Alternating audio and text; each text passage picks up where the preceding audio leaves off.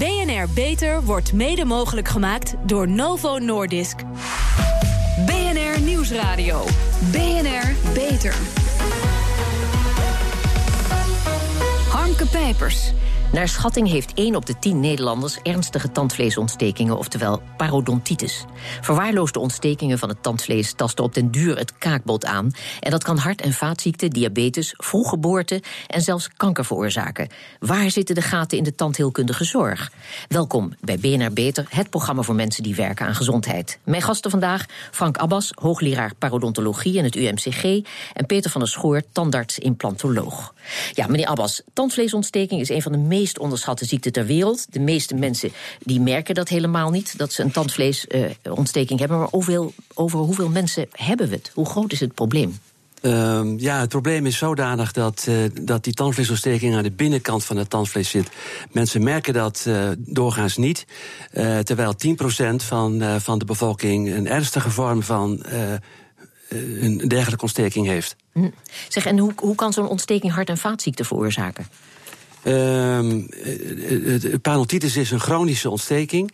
Daar worden uh, voortdurend uh, worden er vanuit die chronische ontsteking worden de micro-organismen worden de bloedbaan inge, ingepompt.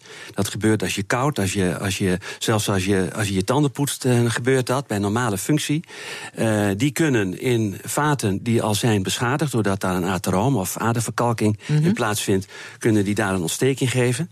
Uh, er worden ook ontstekingsstoffen worden er geproduceerd vanuit de, de, de als chronische ontsteking, die ook weer bij kunnen dragen aan de vorming van ateromen en uh, ook ateromen, de, ateromen de, de, de, de verdikking, de verkalking van de aderen. Ja. We zien ook dat als we, als we tandvlees uh, uh, behandelen, dat de vaatkwaliteit ook weer toeneemt. Dus dat is het goede nieuws als je het behandelt, dan is het ook een, een deels omkeerbaar proces. Ja, maar het is een ontsteking. Hoe kan het dan dat je er zo lang mee rond kunt lopen, dat je het niet merkt? Dat komt voornamelijk omdat die ontsteking aan de binnenkant van je tandvlees zit. Dus ja. het, wordt, je wordt, het wordt in feite beschermd en er is afvloed naar buiten toe via de Ja, ja je bouwt tandhals. geen druk op. Je bouwt geen druk op in het ja. weefsel.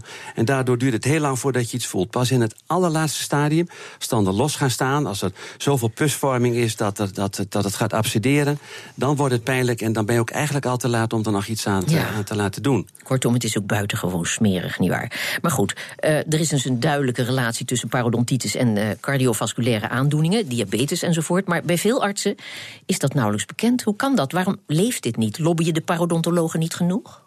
Ik, ik, denk dat uh, de, de, de, de basis van het probleem is dat er in het medisch curriculum hm? uh, geen enkele aandacht is voor, uh, voor de tandenkunde en wat er zich in de mond afspeelt. in het medisch de, de curriculum zit meer informatie over, over de kleine teen dan over, wat, over, de, over de mond. En de gemiddelde arts die ziet de mondhalte ook als een, een, een, een gat, een toegang om de keel te kunnen, kunnen inspecteren. Ja. En heeft geen idee wat er zich in de mond verder af kan gaan. Uh, spelen. Ja. Zeg, en, wanneer moet je extra bedacht zijn op tandvleesontstekingen? noemde al een aantal vervelende complicaties, maar wanneer ben je er vatbaarder voor? Ja, de vatbaarheid voor, uh, voor een parodontitis is, is uh, complex. Uh, er is een zekere erfelijke aanleg is ervoor nodig. Er zijn specifieke bacteriën die, die, die het hele proces in gang zetten.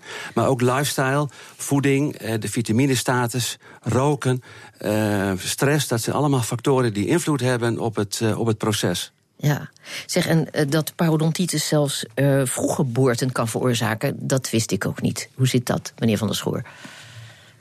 Uh, er is een correlatie aangegeven dat vrouwen die overwegen om aan kinderen te werken, dat zij een, bij parodontitis, mm -hmm. dat ze dan eerder kans hebben op een probleem met de zwangerschap op zich. Dat heeft te maken met de hormonale samenstelling. En uh, de parodontitis op zich heeft daar een negatief effect op. Met als gevolg ja. dat je dit soort consequenties kunt krijgen. Ja. Uh, meneer Van der Schoor, in 1998 hebben alle tandartsen met elkaar afgesproken... dat ze het tandvlees van hun patiënten jaarlijks volgens een zogenaamde DPSI-score onderzoeken. Ja. Uh, ze drukken dan de toestand van het tandvlees uit in een cijfertje, dus dat is heel duidelijk. In de praktijk blijkt dat heel veel tandartsen dat niet doen. Waarom niet? Ik denk dat het uh, gedeeltelijk te maken heeft met uh, dat het niet goed doorgeklonken is onder een groot gedeelte van de professie. De nieuwe tandartsen, uh, de nieuwe generatie, die, die wordt er wel mee opgevoed. Ja. Dus het heeft ook te maken met het feit dat een heleboel tandartsen ook niet opgegroeid zijn met het fenomeen dat parodontitis überhaupt bestaat. Ik kom zelf van 1981 af. Nou, wij hadden het net op de universiteit gehoord. Ja, ik weet het. Het was destijds totaal onbekend. Uh, maar er is tegenwoordig ook een heel eenvoudige manier om ontstekingen vast te stellen, toch? Dus veel tijd hoeft het niet te kosten. Hè? Nou ja, als u doelt op het, uh, het testen van het speeksel, ja? met name de zogenaamde creviculaire vloeistof, dat is de vloeistof die zich -hmm. manifesteert rondom de tand en de kiezen. Ja, die kun je testen. Daar kun je een point-of-care test opdoen. Ja. En dan weet je binnen een paar minuten aan de stoel weet je of er een positief of een negatief resultaat is. En bij een positief resultaat weet je dat je gewoon aan de beurt bent. Ja. Zeg, en als iemand vergevorderde parodontitis blijkt te hebben, hoe ziet de behandeling er dan uit? Als iemand, kijk, het vaststellen van parodontitis moet je in verschillende gradaties doen. Ja. Maar je hebt in ieder geval een aanwijzing. Je zegt van deze patiënt is actief op weg op een pad waarbij die mogelijk de richting van de parodontitis volledig gaat volgen. Mm Hij kan natuurlijk in een voorstadium zijn. En dan is het gewoon zaak om de patiënt in een streng regime te zetten. Wat ook door de Vereniging van Parodontologie naar voren gebracht is. Dat noemen ze protocollen, paroprotocollen. En dan zeggen nou, we gaan met deze patiënt door dit pad heen. En dat kan zijn bij de preventieassistenten. Of misschien bij de mondhygiënisten. En in een uiterst geval bij de parodontoloog. Ja. Meneer Van der Schoor, u bent implantoloog. Hè? U heeft 30.000 implantaten gezet. Mensen boven de 50 met parodontitis die zich niet laten behandelen... lopen naast ernstige gezondheidsrisico's kans om gemiddeld al zes tanden kwijt te raken. En ruim anderhalf miljoen Nederlanders uh, heeft een implantaat in hun mond. Is de implantoloog alleen maar de gaten in de dijk aan het dichten? Of uh, komt het erop neer dat parodontitis werkverschaffing is voor de implantologen? Uh, als u het als businessmodel beschouwt, dan lijkt dat er wel op wat u zegt. Ja. Maar je moet dat anders beoordelen. Mm -hmm. de Amsterdamse tandarts Gordon van der Avoort die waarschuwt zijn collega's dat mensen met implantaten vaak slecht voor die implantaten zorgen. En dat dat ook weer heel ernstige gevolgen kan hebben. Bent u het met hem eens, hè? Ik ben dat volledig met hem eens. Ja. Feit is gewoon dat de zogenaamde ontsteking rondom implantaten, noem je dan peri-implantitis in plaats van parodontitis, mhm. vindt bijna in alles dezelfde oorsprong. Dus als je ooit parodontitis hebt gehad en blijkbaar ontvankelijk daarvoor bent, moet je ook niet vreemd op kijken dat je dat met peri-implantitis kunt zijn. Ja, want ik heb begrepen, 43% van de implantaatdragers heeft een ernstige bacteriële tandvleesontsteking. Uh, dat, dat, is weer iets anders. Perimucositis. Perimucositis is de voorloper van een eh, ernstige peri-implantitis. Bij een perimucositis kun je zeggen van... we kunnen er nog wat aan doen en we kunnen het weer terugbrengen naar een gezonde situatie. En ja, en dan praat je wel over getallen die soms wel boven de 50% liggen. Ja, maar ja, die patiënten die komen na zo'n ingreep toch terug voor controle. Ziet u bij uw patiënten bijvoorbeeld een gedragsverandering na het plaatsen? Ja, je ziet wel degelijk een gedragsverandering. Uh, het is wel afhankelijk van of. Uh, wij hebben wel een onderscheid moeten maken bij ons in de praktijk tussen de patiënten die uit onze eigen praktijk komen. Ja? Of de patiënten die uit de praktijk komen waar die verwezen zijn. In dat laatste geval zie je vaker, als je die patiënten terugziet, dat het percentage uh, perimucositis en peri-implantitis wel hoger is. Ja. Goed, niemand kijkt uit naar het tandartsbezoek. Een half miljoen Nederlanders, jong en oud, rijk en arm, heeft zo'n angst voor de tandarts dat ze ervoor behandeld moeten worden. Met een doorverwijzing van huisarts of tandarts belanden ze bij de zogenaamde angsttandarts. Verslaggever Thomas Schuurman spreekt een van die mensen met een tandartsfobie. Zij vermijdt al jaren de witte lamp en geluid en het geluid van de gaatjesboor, maar gaat de strijd nu aan. Nou, dan gaan we even kijken. Mag je de mond even open doen. Kun je over die angst zeggen? Wat, wat voel je? Um, het liefst wil ik elke dag nog steeds de afspraak afzeggen. En, en gewoon niet naar de tandarts gaan. En alles vermijden wat uh, ja, bij de tandarts in de buurt komt. Maar ik weet ook dat het nodig is als ik een beter gebit wil. Ja. Want ja, de mensen kunnen niet zien, maar ja, je gebit ziet er niet heel goed uit. Dat kan ik van afstandje natuurlijk ook wel uh, beoordelen. Dus ja, je, je verwacht ook wel dat er wel het nodige moet gaan gebeuren. Ja, ja ik uh, moet zelf een, uh, een aardig proces. Uh, ik zou eerst elke week wat tanden en kiezen laten trekken. En dat is voor mij toch nog te moeilijk. Dus dat wordt uiteindelijk nu toch onder narcose gedaan. Maar ik krijg nog steeds wel gaan, hulp met de gaatjes vullen. En op die manier hopen we dan dus toch eindelijk zover te kunnen komen... dat ik weer naar een gewone tandarts zou kunnen gaan. 1,6 palatinaal. tandsteen. Het tandvlees is hier en daar een beetje ontstoken. Uh, Chantal Bochet, angsttandarts. Wat doet hij? Uh, wij behandelen hier uh, mensen die extreme angst hebben voor de tandarts. En dat doen wij uh, eigenlijk in kleine stapjes. Ze laten wennen, oefenen met degene waar ze bang voor zijn. Zonder dat die ramp die ze vrezen eigenlijk optreedt. En daarmee wordt de angst minder. Ja, een psycholoog en tandarts in één? Ja, kan je zeggen. Het is een opleiding van drie jaar nog naast de tandheelkunde, ja. Kun je zeggen over de mensen die hier komen? mensen zijn heel angstig. Uh, er zitten ook wel mensen bij die bijvoorbeeld psychiatrische patiënt zijn. Dat is ook een beetje ons, uh, ons vakgebied. En uh, zijn vaak lang niet geweest, hebben vaak een handelachterstand, schaamte voor het gebit. En hebben toch nu de stap genomen om te komen. Dat is het belangrijkste eigenlijk. Ja. Komen hier ja, eigenlijk de eerste gebieden van Nederland voorbij ook? Ja, dat, dat, hoop ik. Want dan, dat zou betekenen dat ze niet meer thuis zitten en dat ze hier komen. Waarom niet gewoon onder narcose eigenlijk?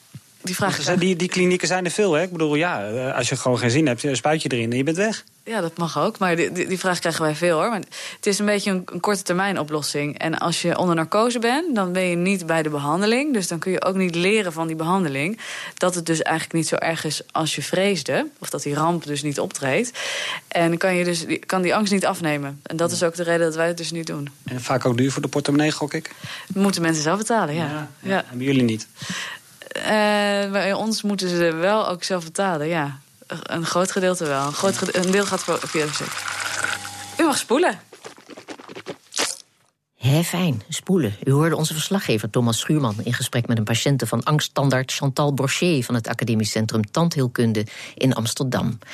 Ja, um, is dit heren nou een duidelijk voorbeeld van zorg die niet vergoed wordt? Is het een schrijnend voorbeeld van een falend zorgstelsel voor de tandheelkundige zorg? Meneer Abbas? Ik denk het wel. Ja. Uh, ook als je, als je kijkt dat. Uh, uh, in feite de mondholte is het. Uh, is, is, uh, alles wat zich in de mondholte afspeelt, is niet verzekerde zorg. Uh, dat is ongeveer het enige on, onderdeel van het lichaam. waarbij de patiënt zelf zich moet verzekeren. of zelf in de buidel moet, moet tasten. Ja. om zich te laten onderzoeken en te, en te behandelen. En zeker als je dat ook nog ziet in, in de relatie tot het feit. dat ontstekingen in de mond ook gevolgen kunnen hebben voor de rest van het lichaam. Een goede mondzorg voorkomt veel ziekten, maar tandheelkunde is al jaren een buitenbeentje in de verzekerde zorg. Meer hierover na de. BNR Nieuwsradio. BNR Beter. Een goede mondzorg voorkomt veel ziekte en veel zorgkosten. Maar waarom is dit specialisme al jaren een buitenbeentje in de verzekerde zorg? Daarover praat ik verder met mijn gasten Frank Abbas, hoogleraar parodontologie in het UMCG, en Peter van der Schoor, tandarts en implantoloog. Ja, meneer van der Schoor, we hadden het er al even over voor de reclame. De vergoeding van tandheelkundige zorg was altijd een onderdeel van het basispakket, maar er is flink in gesneden. Merken de tandartsen en de parodontologen daar nu de gevolgen van? Ja, dat, uh, dat, dat merk je wel, ja. Uh, de zorg is, uh, hoewel die heel goed is, mm -hmm. dat die geleverd kan worden, is het voor een heleboel mensen toch wel erg moeilijk om hem uh, gefinancierd te krijgen. Ja, voor onder de 18 jaar is het pakket wat uitgebreider, hoort het ook te zijn. Maar tandvleesbehandeling vroeg ik mij af bij de parodontoloog. Zit dat er ook in? Dat moet je in principe moet je wezen bij een aanvullende tandheelkundige verzekering. Ja, en in exceptionele gevallen ja. ja dat, komt wel eens voor, maar je moet je er eigenlijk voor verzekerd hebben. En ik ja. denk dat, gezien de getallen die wij in Nederland hebben, zou bijna parodontologie standaard in de zorgverzekering moeten zitten. Ja. Meneer Abbas, bent u het natuurlijk mee eens, hè? Ja, dat vind ik, vind ik zeker. Dat vind ik zeker. Ja. Dit is onderdeel van je lichaam. In de mond komt alles binnen. Ja. Um, en uh, dat zou zeker onder de, onder de medische zorg moeten vallen. Ja. En de verzekerde zorg moeten vallen. Maar goed, dan zitten we nog met de tandheelkundige zorg die dan wel wordt vergoed. Hè, die voor kinderen tot 18 jaar. Daar wordt dan weer te weinig gebruik van gemaakt. Want naar schatting zijn er alleen al in Amsterdam 30.000 kinderen die niet naar de tandarts gaan. Ouders denken vaak dat het niet nodig is hè, voor een melkgebitje. Of ze beseffen niet dat ze verzekerd zijn. Ja, moet dit probleem dan niet vanuit twee kanten worden aangevlogen? Meer betutteling, zeg maar. Dat is toch mijn favoriete woord bij de begeleiding om mensen beter voor hun gebit te laten zorgen. En moet ook de schooltandarts gewoon weer terug? Nou, laat het duidelijk ja? zijn. Ik denk dat een gedeelte ook ligt uh, bij de verantwoordelijkheid van bijvoorbeeld consultatiebureaus. Mm -hmm. ja. uh, daar worden de kinderen op alles gecontroleerd. Behalve... Behalve op het gebit. Ja, ja. Dus de omissie begint eigenlijk al daar. Ja. En dan kun je wel uh, naar de hand met een schooltandarts komen, wat ik op zich een goed idee vind. Maar bij een heleboel kinderen is het kwaad al geschied. En u heeft zojuist een programma gehad uh, over angsttandartsen. Nou, er zijn ook een heleboel ouders die zijn zo bang dat die hun kinderen niet naar de tandarts toesturen, omdat ze zelf al niet naar de tandarts ja. Dus er zit ook een hoop psychologie zit erin. Ja. Zeg, en bij volwassenen helpt die beperkte zorgverzekering natuurlijk ook niet, hè? Nee. Ja. Ja, goed, meneer Abbas, u zei al, de mondholte is dus het slechtst verzekerde onderdeel in ons lichaam. En ook het onderdeel waar weinig kennis over bestaat en waar weinig aandacht aan besteed wordt. Dus alle vaak verstrekkende gevolgen van slechte mondzorg, die komen in de vorm van een of andere complicatie of onbegrepen ontsteking toch weer terug in die basiszorg, maar dan rijkelijk laat. Um, ja, hoe is het nou gekomen dat deze zorg niet altijd zichtbaar is bij andere specialismen, zoals cardiologen en internisten? Ja, dat is, dat is een hele goede vraag. Uh, wij we zijn al, al uh, zeker twintig jaar wordt er onderzoek naar gedaan. Mm -hmm. uh, je, het is overtuigend het bewijs dat parotitis geassocieerd is met de ernst van diabetes mellitus, ja. van cardiovasculaire aandoeningen. Zwangerschapsproblematiek is al, al, al aan de orde geweest. Ehm, dat dringt me heel langzaam door. En dat wordt natuurlijk voornamelijk gepubliceerd in de, in de tandheelkundige literatuur. Maar er zijn ook publicaties over in de, in de New England Journal of Medicine, een van de hoogste medische uh, tijdschriften. Maar om dat in de medische protocollen te krijgen, is nog weer een heel andere zaak. Ja, want het zou dus eigenlijk standaard wel in het systeem moeten, bijvoorbeeld wanneer er sprake is van een onbegrepen ontsteking. Ja, dat vind ik wel. Ja. Het, het, is ook vaak zo, wij krijgen, krijgen, krijgen, regelmatig patiënten voor een consult die aangeven dat, uh, uh, dat de medisch specialist heeft geconstateerd dat er ergens een chronische ontsteking moet zijn. Ja. Uh, die kunnen ze niet vinden, mm -hmm. omdat er niet wordt, geen onderzoek wordt gedaan naar, naar, naar de mondholte. Ja. Dus je zou de medicus eigenlijk een instrument in handen moeten geven om, uh, om te kijken of er in de mond iets aan de hand is, zodat wij daar dan uh, vervolgens mee verder kunnen. Ja. Als je vervolgens bekijkt wat dat voor, en dat zijn Amerikaanse studies, wat dat voor besparing in de ja. gezondheidszorg op kan leveren. Dan is alleen al in de diabeteszorg, dat is ook een, een, een kostbare vorm van, van zorg, uh, wordt, een, wordt een besparing van circa 40 procent wordt er gerealiseerd. Ja, ja, in Amerika gaat het dan over 2,8 miljard dollar. Ja. Wat, uh, de, de, hoe dat in euro's in maar Nederland is, weet ik het over niet. per jaar? Op jaarbasis. Ja, ja. Ja, waar hebben we het dan over als het tekort ja. is uh, in de zorg? Het, het mogen duidelijk zijn dat als je het heel wilt visualiseren mm -hmm. over de verzekering en dergelijke. Uh, vijf centimeter achter je tanden begint je keel. Ja. En dat is het werkgebied van de KNO-arts. Vanaf dat traject is je volledige maag-darmstelsel uh, verzekerd. Ja. Waarom die eerste vijf uh, centimeter niet? Dat is voor mij onbegrijpelijk. Ja.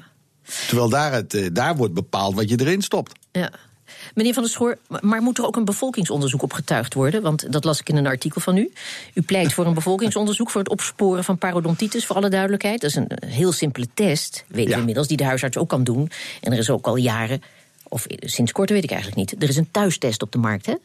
Er is een thuistest op de markt en uh, dan kunnen patiënten kunnen zichzelf testen. Ja. Dus, ja. Maar dat is een thuistest die is vergelijkbaar met uh, bijvoorbeeld de zwangerschapstest. Hij ja. ziet er zelfs hetzelfde uit. Ja, maar goed, is dat bevolkingsonderzoek dan wel nodig? Ik denk dat het een heel interessant gegeven is, omdat mm -hmm. uh, als je gaat uitrekenen hoeveel mensen sowieso niet bij de tandarts komen. Ja. Dat je dan een calculatie kunt maken dat mogelijk wel meer dan uh, 1 tot 1,5 miljoen Nederlanders een ernstige vorm van parodontitis hebben wat niet eens ontdekt wordt. Dan zou je op deze manier, zou je op zijn minst een indicatie kunnen krijgen ja. van mensen van ja, die hebben het wel. Want er zijn ook een heleboel mensen die gaan überhaupt niet naar de tandarts toe. Ja. En die hebben ook die ernstige vorm van parodontitis en die lopen ook met hun ziektes uh, in het ziekenhuis rond. Ja, meneer Abbas, wat vindt u daarvan?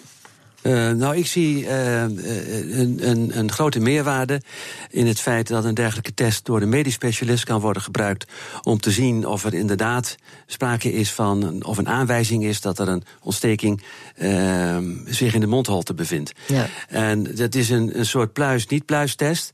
Als het niet pluis is, zou de specialist naar de tandarts kunnen, kunnen verwijzen voor nader onderzoek en behandeling. Ja, u zegt de specialist, maar moet dat ook niet gewoon een, een routine zijn voor de huisarts? Als, als de huisarts uh, bijvoorbeeld de diagnose uh, diabetes mellitus stelt, dan zou er ook gekeken moeten worden of er ook niet sprake is van een parodontitis. En dan zou de huisarts zou dit mee kunnen nemen. Ja. Maar je kunt zelfs verder gaan. U kunt zich ook afvragen als je de verzorging van in bejaardentehuizen, als je wilt weten welke bejaarden die daar verzorgd worden eventueel een parodontitis hebben, ja. dan kan zelfs uh, een van de medewerkers van het uh, bejaardenverzorgingshuis, die kan ook deze screeningstest doen. Dan heb je ja. in ieder geval het idee of iets pluis is of niet pluis is. Ja, dus misschien toch maar geen bevolkingsonderzoek. Maar dat is mijn mening hoor. Uh, moeten we toch terug naar de schooltandarts, heel kort tot slot? Als het niet anders kan, dan zou het van mij mogen. Oh. Maar het, het, het, als u het gebruikt als middel om iemand zoveel mogelijk naar de tandarts toe te krijgen. Ja, en al die 30.000 kinderen die nu niet bij de tandarts komen, bijvoorbeeld, het, het hebben we nut toch? Maar er is ook een soort geconditioneerde angst ja. uh, voor de schooltandarts. Die heeft vanuit vroeger, niemand weet nog meer precies waar dat door is... maar die, dat verhaal wordt steeds uh, doorverteld... terwijl de schooltandarts al tientallen jaren niet meer actueel is. Ja, maar dat dateert dan nog uit de tijd dat hij zo'n vervelende boor had... Ja. zonder koeling, ja, en heb ik nog bus op het schoolplein kwam en dan iedereen begon dan gelijk te sidderen. Oké, okay. Ja, goed, dat hoeft dus niet meer. Dus wat dat betreft zit er wel toekomst in. Hartelijk dank Frank Abbas en Peter van der Schoor. Pioniers in de zorg. Onze zorgredactie speurt naar interessante medische innovaties binnen en buiten de muren van de universiteit. Waar werken ze aan en wat moeten wij daarvan weten? Frederik Mol, vertel. Blaasontsteking komt heel veel voor, vooral bij vrouwen. En het wordt niet door één soort bacterie veroorzaakt. Hoe kom je er nou vanaf zonder dat je de ene antibiotica-kuur naar de andere krijgt? Ja, ze hebben ontdekt dat inderdaad, het zijn niet losse koloniën bacteriën die daar uh, zijn, maar die uh, koloniën leven eigenlijk als een soort van ecosysteem uh, in die blaas. En uh, dat is dus nieuw, dat wisten ze eerst niet. En ze hebben dus ook ontdekt dat die kolonies elkaar ook beschermen tegen een antibioticum. Dus als de ene wordt aangevallen, dan beschermen ze met z'n allen beschermen ze die hele kolonie. Dus dat, uh, dat is een hele nieuwe manier van kijken naar, naar antibiotica en bacteriën in de blaas. Ja. En hiermee kunnen ze dus de bacteriën met andere geschut uitschakelen, zodat je geen antibiotica-resistentie bijvoorbeeld opkomt. Ja, ja, want er wordt nu heel snel heel veel uh, antibiotica voorgeschreven. Dus die resistentie is echt een reëel probleem. Ja, goed. Een heel gevecht in de blaas. En voor wie is dat interessant? Ja, uiteindelijk is het voor iedereen interessant. Uh, ze gaan nu klinisch onderzoek verder uittesten. Ook voor oudere mensen. Want hoe ouder je bent, des te groter het ecosysteem. En uh, we hebben ook gesproken met Marion de Vos, onderzoekster van de, de Technische Universiteit Wageningen. En zij kwam met een advies aan de mensen om dit onderzoek te versnellen. En dit is allemaal gemeten in het laboratorium. Maar nu moeten we ook gaan onderzoeken of dat ook zo is in mensen. En voor mensen is dat dus belangrijk dat als ze dus naar de dokter gaan met een urineweginfectie... en dan wordt gevraagd of er een kweek moet worden gedaan... dat ze dan ook zeggen dat er inderdaad een kweek moet worden gedaan. Dus deze data die helpen voor het beter behandelen van de infectie. Ja, goed. Ja, de onderzoekers hopen uiteindelijk de eigen bacteriën te laten vechten met de ziekmakende bacteriën, zodat er helemaal geen antibiotica meer nodig is. Dat zou het mooiste zijn. En als er een antibiotica is, dan speciaal voor dat, uh, die bacterie die jou het leven zuur maakt. Goed, dankjewel Frederik Mol. Tot zover deze uitzending van BNR Beter. Op BNR nl slash beter. En als podcast of via iTunes of Spotify is deze uitzending terug te luisteren. En heeft u tips of opmerkingen? Wij zitten op Twitter op BNR Lifestyle. Of mail naar onze redactie via beter.bnr.nl. Ik ben Harmke Pijpers. Tot een volgend spreekuur. BNR Beter wordt mede mogelijk gemaakt door Novo Nordisk.